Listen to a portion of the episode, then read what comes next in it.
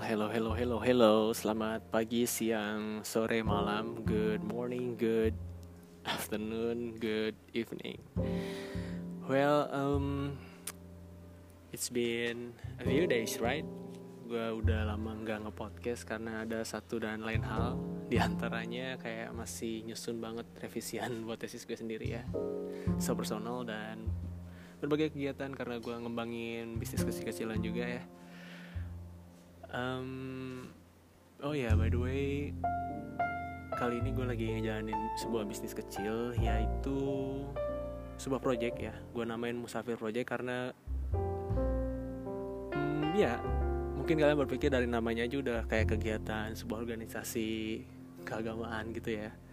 Dan yes um, gue bikin uh, channel YouTube sama teman-teman. Isinya tuh emang ya nama channelnya Musafir Project dan isinya tuh kayak dakwah-dakwah hal milenial gitu deh tentang hal-hal yang umum tentunya ya. Jadi nggak kayak yang terlalu strict sama uh, agama yang kaku gitu. Jadi kayak dikemas kayak kehidupan sehari-hari lah gitu kayak pentingnya berbuat baik kayak gitu-gitu. Dan penekanannya sih sebenarnya ke gimana caranya nggalang anak muda zaman sekarang milenial milenial sekarang nih buat ikut ngegalang yang namanya rajin bersedekah gitu. Karena dengan sedekah itu kita dan emang secara empiris gue alamin dengan sedekah ternyata makin mudah aja jalan hidup gue gitu loh. Well untuk episode kali ini akan dibahas tentang beramal sedekah dan berbagi. Tapi um, selain Musafir Project gue juga dulu. Jadi dulu tuh banyak banget kegiatan yang udah gue lakuin. Kayak misalkan dari SD sih sebenarnya ya dari SD itu emang udah kebiasaan banget buat bikin atau ngegalang teman-teman. Dan emang dari SD itu dari kelas 1 sampai 6 jadi KM ya. Jadi udah biasa lah gitu mau organisir teman-teman uh, memanage kelas. Dan waktu SMP pernah jadi ketua OSIS juga waktu SMA ikut organisasi juga gitu. Jadi salah satu ketua rohis gitu. Walaupun saya jobnya ngeband dan kebetulan bandnya metal ya. Pengikut Avenged Sevenfold gitu kan dan waktu um, mahasiswa juga ikut himpunan-himpunan kayak gitu-gitu dan well udah kebiasaan dan istilahnya ada yang bilang natural born leader gitu. Karena emang udah kebiasaan banget mengorganisir teman-teman. Dan untuk kegiatan entrepreneurshipnya dari SD gue pernah dulu kayak jualan suku cadang suku cadang. Tamiya masih inget banget sih kayak waktu kelas 6 SD gitu. Jualan-jualan kayak gitu dan hasil dagangannya tuh kayak dipakai buat jajan-jajan kecil-kecilan kayak beli ciki kayak gitu-gitu lah. Ciki tuh merek ya. Jadi sorry lah kayak beli-beli snack lah gitu ya. Waktu SMP juga sama kayak um, mengorganisir teman-teman buat bikin sesuatu kayak bikin sweater lah bikin t-shirt lah punya kelas dan lain sebagainya. Waktu SMA juga sama. Pernah dulu uh, jadi istilahnya apa ya mafia tugas gitu. Jadi setiap tugas terutama yang ujian gue dan teman-teman galang dan pegang gitu. Nawarin ke teman-teman siapa yang mau ngerjain tugas ujian kayak gitu gitulah ya. dan dari situ pengalaman itu tuh berbekas banget sampai akhirnya pas kuliah pas kuliah S1 gue bikin namanya Trust Terus Project. Jadi Trust Terus Project itu terinspirasi dari kakak gue asik kakak gue jadi ada inspirasi gue itu Kinan Pierce ya dia bikin makna kreatif waktu itu sama uh, Ernanda Putra. Dan dari situ gue ngecoba gue uh, teman gue ya dan tiga orang teman gue Agung Sule dan Danis tuh bikin terus terus project. Jadi di dalamnya sama sih sebenarnya kayak bergerak di bidang branding designing terus ya menjalankan event-event kecil kayak gitu gitulah ya selain teras terus project ada juga kayak teras komputer jualan komputer segala macam game terutama karena gue hobi main game ya dari dulu tuh. Um, awalnya didirikan teras terus komputer itu karena gue suka main game. Dan gue sama Andri teman gue bikin uh, teras terus komputer karena ya kita suka game gitu loh. Jadi pernah tuh waktu TK game pertama gue masih inget main konsol Sega dan Nintendo. Tau lah ya kayak main Mario Bros dan lain-lain main Contra. Waktu SD zamannya PS1 tuh main juga sama Winning Eleven lah. Tau lah semuanya Winning Eleven. Dan game-game lainnya banyak banget. Sampai susah buat disebutin CTR apalagi ya. Zamannya PS2 juga main dan PS2 tuh emang zaman zamannya kejayaannya ya. Jadi main semua game first person shooter. Ya game-game kayak zaman sekarang kan kayak ya tau lah ya game-game yang lagi marak sekarang ini kebanyakan um, cuman mengutamakan grafik dan istilahnya cepet ya game ya. Nggak kayak dulu kan game-game zaman dulu tuh story mode banget gitu kuat banget sampai memorable sampai sekarang. Kayak GTA San Andreas dan segala macam gitu ya. Jawan PS3 juga main sama zamannya GTA 5 dan lain sebagainya. Sekarang juga main juga um, game konsol PS4 dan main game lainnya lah gitu ya. Segala macam aku yang main. Sama game PC-nya juga gue main juga. Dan dari itulah dibangun teras terus komputer gitu. Gue jual-jualan kayak gitu-gitu.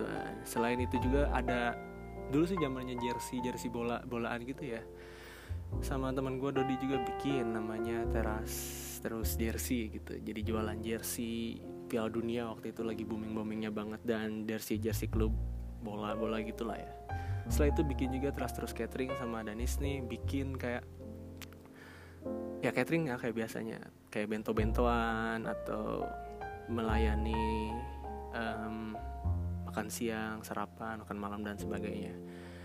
Dan abis itu kurang lebih beberapa tahun kemudian karena mereka sibuk dan keterima kerja singkatnya terus terus tuh vakum dulu dan gue bikin rumah pangan sama temen-temen gue bergerak di bidang frozen food yaitu jualan kayak kentang french fries sausage ya jualan sosis sosis yang biasa dipakai di sosis sosis bakar gitulah ya tau lah ya.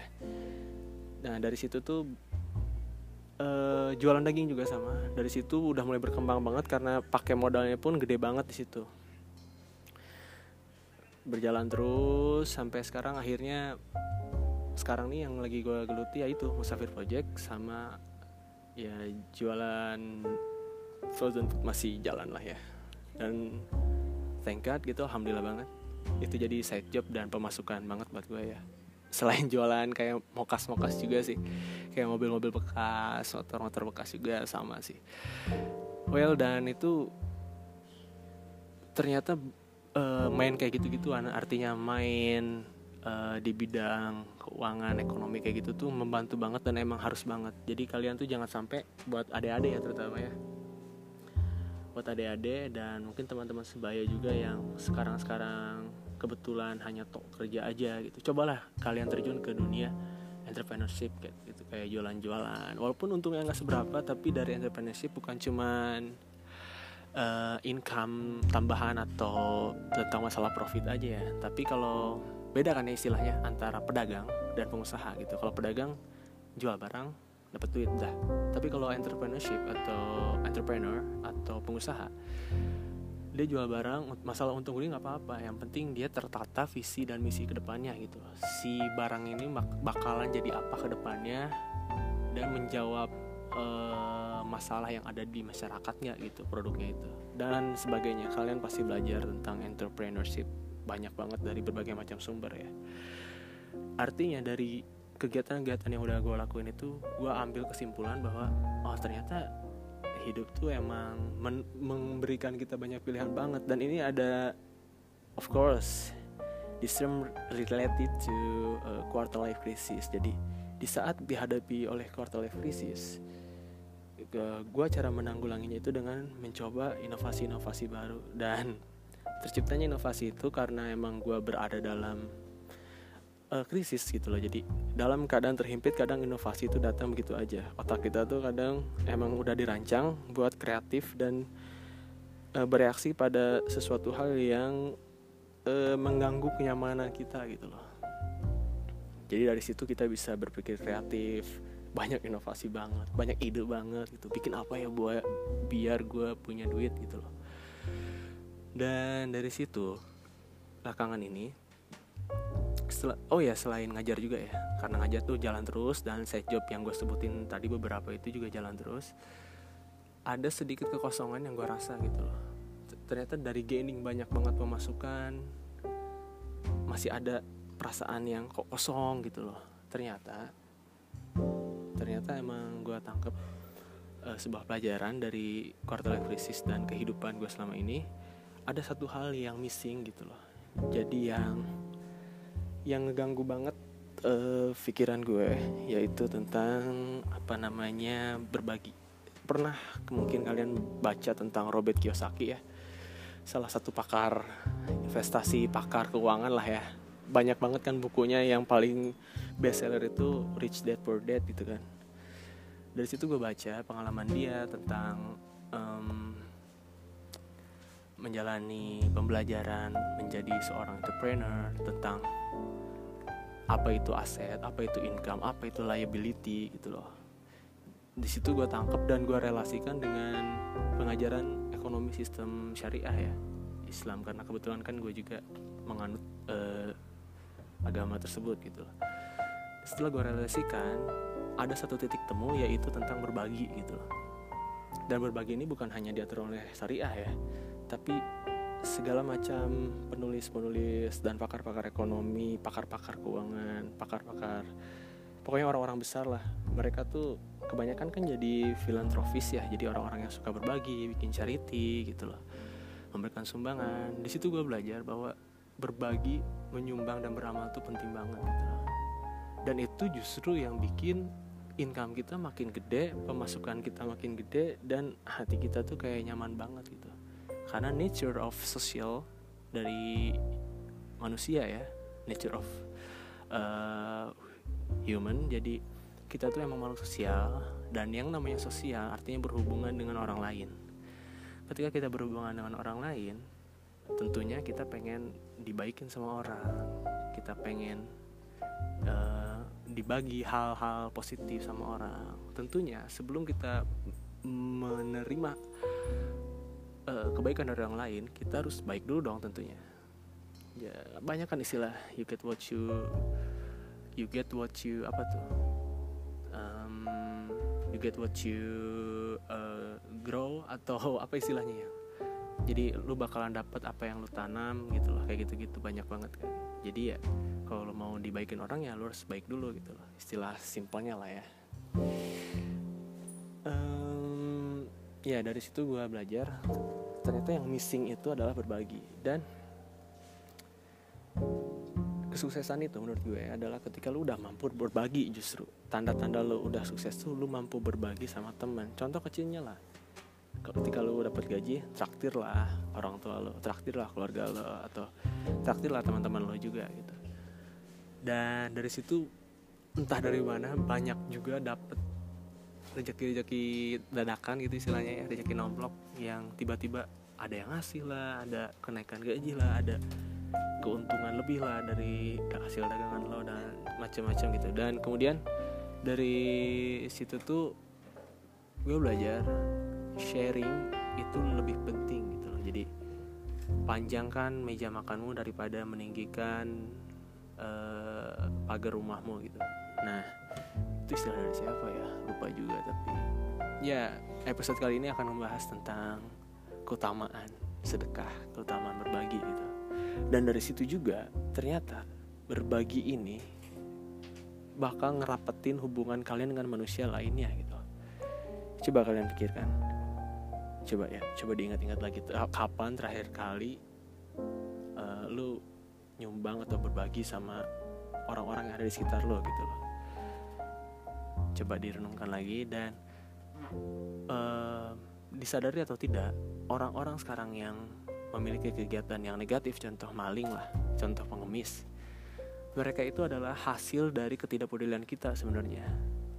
Jadi sebenarnya kalau dirunut secara kompleks timbulnya pengemis timbulnya orang-orang yang berlaku jahat itu sebenarnya hasil dari ketidakpedulian kita. Kenapa? Ketika mereka susah kadang kita nggak mau ngebantu kadang kita even nge uh, even ngelirik pun gak mau gitu. Bahkan sekedar nanya aja kita malah udah mikir wah kalau gue ngebantuin dia gue rugi dong. Jadi kita udah mikir ruginya dulu gitu loh bukan ke ngebantunya. Tapi kan ada ada banget sih pertanyaan ketika gue ngobrol dan ngebahas masalahnya sama teman-teman juga. Ada yang nanya tapi kan kalau misalkan kita ngebantu dia dia keenakan dong. Ya dari cara membantunya aja. Jadi cara ngebantunya tuh bukan kayak dia butuh duit kita ngebantu ngasih uang. Enggak. Dia butuh duit kita arahkan dia kepada sesuatu hal yang menghasilkan duit untuk dia sendiri sehingga ada uh, kesejahteraan yang sustainable buat dia gitu loh. Jadi yang ada keberlanjutannya buat dia. Contoh si A mau minjem duit nih kita nih gocap misalkan atau berapapun lah. Karena dia lagi kepepet banget. Oke kita arahin dia misalkan nih gue ada channel atau gue punya kerjaan ini. Nanti kalau lu ngerjain kerjaan ini gua, lu bakal dapat sekian. Dari sekian lu bisa pakai modal begini. Jadi kita mengedukasi gitu.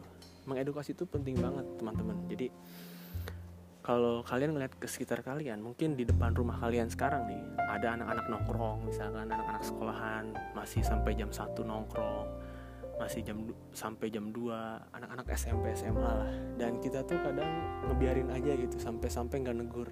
Nah itu kesalahan banget. Jadi seperti yang di episode sebelumnya gue jelasin tentang UU pendidikan ya sistem pendidikan nomor 20 tahun 2003 itu di situ kan jelas masyarakat tuh harus berperan aktif banget mencerdaskan kehidupan bangsa gitu. Diatur loh sama undang-undang kita tuh secara konstitusional. Jadi emang kewajiban kita orang-orang terdidik itu mendidik gitu orang-orang yang belum dapat pendidikan yang belum dapat pencerahan gitu. Jadi dari situ tuh kita bisa uh, ikut berperan serta untuk mewujudkan cita-cita bangsa. Sih udah kayak ini ya calon legislatif banget ngejelasinnya gitu. Dan jadi tentang peduli ya rasa peduli itu harus banget kita refresh lagi di dalam diri kita coba di ditumbuh kembangkan lagi gitu loh. Kita kan manusia sama manusia orang sosial manusia makhluk sosial sorry makhluk sosial yang mau nggak mau emang semua kehidupan ini kita butuh orang lain. Contoh misalnya contoh kecilnya kita lahir dibantu sama bidan orang lain terus kita sekolah dibantu sama orang lain sama guru kan. Kita sakit dibantu sama dokter orang lain juga. Kita kesusahan atau misalkan ada sebuah kecelakaan dibantu sama orang lain juga. Ketika kita meninggal pun bahkan dibantu sama orang lain juga buat nguburin buat mengkremasi dan segala macamnya ya tergantung uh, agama yang dianut. Dari situ tuh udah nunjukin bahwa mau nggak mau kita emang bakal bersinggungan dengan orang lain. Dan cara bersinggungan yang baik itu ya lakuin aja yang benar dulu gitu loh. Jadi nggak usah banyak banyak pikiran banyak persepsi asumsi pre-asumsi yang bikin kita menegasikan orang lain gitu loh. Ya hasil dari orang-orang banyak melakukan tindakan kriminal itu ya emang karena ketidakpedulian kita kembali lagi jadi poin yang bakal gue tekanin itu yaitu rasa peduli kita yang decrease gitu ya. jadi yang berkurang dan malah cenderung menimbulkan rasa curiga gitu loh dibandingkan rasa pedulinya. Cobalah kita refresh lagi gitu. Jadi belajar untuk peduli belajar untuk caring gitu loh. Dan caring itu simple kan bukan cuman kayak kita ngebantu secara materi ya tapi dengan mendengarkan orang lain berkeluh kesah mendengarkan curhat orang lain itu pun bisa ikut membantu merilis um, apa namanya kepanikan atau kegundahan kegalauan dia gitu loh. Well jadi episode kali ini episode kali ini itu tentang sedekah dan rasa peduli ya. Beramal dan rasa peduli. Dan gue rasa ini tuh penting banget buat kalian semua. Ini sih sebagai uh, reminder ya self reminder buat bukan cuma buat kalian tapi ini tuh buat gue sendiri dan uh, alhamdulillah thank God banget ini tuh udah gue lakoni gitu selama beberapa tahun ini dan well bener banget. Yes gitu jawabannya. Ini tuh bakal menimbulkan efek yang signifikan terhadap ketenangan diri lo sendiri gitu loh. Jadi kalau ada ketemu, orang lain sapa lah dimulai dari hal kecil. Gue bakalan mengutip salah satu lama besar ya di Indonesia Agim. Jadi dimulai dari hal kecil dimulai dari diri sendiri dan dimulai saat ini juga gitu. Jadi kalau ketemu orang lain sapa aja dulu. Hai atau selamat pagi assalamualaikum atau good morning dan sebagainya. Sapa aja dulu gitu loh dari situ ngobrol. Kebanyakan kan sekarang banyak yang apatis jadi banyak banget lah orang-orang komuter tahu banget ya kayak yang di naik kendaraan umum atau di mana pun. Say hey aja enggak gitu malah diem-diem baik gitu loh istilahnya kan jojong-jojong wae kalau bahasa Sundanya tuh. Jadi banyak banget orang yang MM yang masing-masing karena kekhawatiran karena ketakutan gitu takut ditipu lah segala macam bahkan kalau ada orang yang nyapa tuh disangka langsung wah ini kayaknya mau nipu gue nih. Ini kayaknya so asik gini bakalan berimbas jelek banget buat kenyamanan kehidupan gue. Dan coba untuk ditinggalkan hal seperti itu dan kenapa gue ngomong kayak gini? Seolah menggurui. Tentunya gue pernah bilang kan karena gue udah ngebahas tentang mindset sebelumnya tentang pola pikir sebelumnya. Nggak mungkin gue ngomong kayak gini tanpa ada um, teori yang udah gue pelajari dan secara empiris gue udah melakoninya juga. Contoh kecilnya yaitu tentang murid-murid gue jadi kebiasaan gue kalau di sekolah nih setiap pagi setiap pagi-pagi ketika anak-anak mulai datang ke sekolah entah itu anak yang gue ajar di kelas gue atau enggak atau bukan gue suka sering kali langsung nyapa mereka gitu. Karena gue guru bahasa Inggris gue nyapa mereka dengan hello good morning how are you? Setiap anak-anak. Dan anak-anak pun merespon dengan baik gitu loh. Dan ini pun gue himbau kepada guru-guru di sekolah gue juga. Jadi jangan sampai anak murid tuh lewat miss gitu aja. Jadi salaman cium tangan udah aja lewat karena menegur itu harus dilakukan oleh yang lebih tua dulu oleh orang oleh orang yang lebih berilmu dulu gitu loh. Jadi kan kadang sekarang kebalik ya malah orang-orang tua gitu pengen disapa duluan sama uh, anak-anak kecil atau orang yang umurnya di bawahnya. Itu tuh sebenarnya hal yang tidak baik dan tidak benar ya. Harusnya yang tua dulu yang nyapa gitu. Jadi gue ngehimbau kayak ke guru-guru yang lain kalau misalkan dia guru ekonomi cobalah tanya tentang hal apa gitu tentang halo selamat pagi. Eh sekarang dapat uang jajan berapa? Jangan lupa tabung ya. Jadi kayak hal-hal kayak gitu aja yang dibiasain gitu. Terus kayak guru agama misalkan eh udah sholat subuh belum tadi? Kayak gitu-gitu. Terus buat guru PPKN eh kayak gimana pokoknya masing-masing guru setiap mata pelajaran itu harus membiasakan menanyakan hal kecil yang relate related dengan kehidupan dia. Karena ini diatur juga sama kurikulum kita kan ya. Pembiasaan karena ada nilai sikap dan nilai sosial yang harus kita assess atau kita nilai juga di sekolah gitu. Nah, guru-guru tuh emang harus aware banget sama masalah yang kayak begini-beginian. Karena hal kecil itu bakal berdampak sama uh, hal yang besar. Atau istilahnya di Amerika kan udah ada penelitian tentang butterfly effect gitu.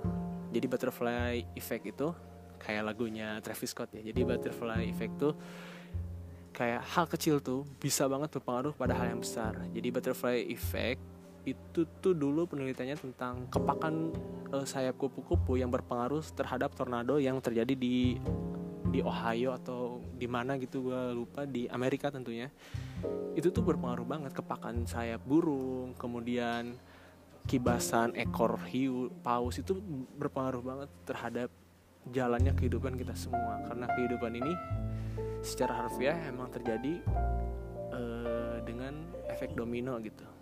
Ya kayak gitu gitulah ya. Well jadi um, pesan gue untuk episode kali ini yaitu jangan lupa peduli jangan pelit-pelit buat sedekah dan berbagi karena ya well gue percaya banget ketika lo bersedekah dengan ikhlas satu rupiah aja itu bakalan dibayar tujuh kali lipat. Bukan hanya tentang materinya ya. Tapi lo bisa sehat lo bisa dapat saudara baru dibaikin sama orang lain itu tuh countless ya uncountable uh, gift gitu yang bisa lu dapat ketika lu bisa bersedekah. Dan jangan lupa mulai dari hal kecil mulai dari diri lu sendiri dan mulai saat ini juga gitu jadi untuk memulai kebaikan itu emang harus dimulai dari diri sendiri dulu nggak bisa lu nyala nyalain orang lain terus well itu tuh penyakit banget Oke, okay, thank you very much for your attention. Thanks for listening. Jangan lupa share, jangan lupa berbagi dan jangan lupa belajar lagi tentunya. Um, cari-cari lagi referensi yang baru dan gue gue sih nge-rekomendasiin buat kalian mulai baca lagi tentang ya mungkin yang mendengar ini semuanya gue rasa udah open minded ya jadi tolonglah dibuka lagi buku-buku tentang kehidupan sosial, kehidupan beragama yang baik, tentang mulai bertanya lagi emang gue tuh sekarang udah kayak gimana sih bercermin lagi lah gitu. Oke, okay? Thank you for listening, thank you for understanding. udah kayak ini ya apa namanya asuransi. Oke, okay, terima kasih banyak. Bye bye.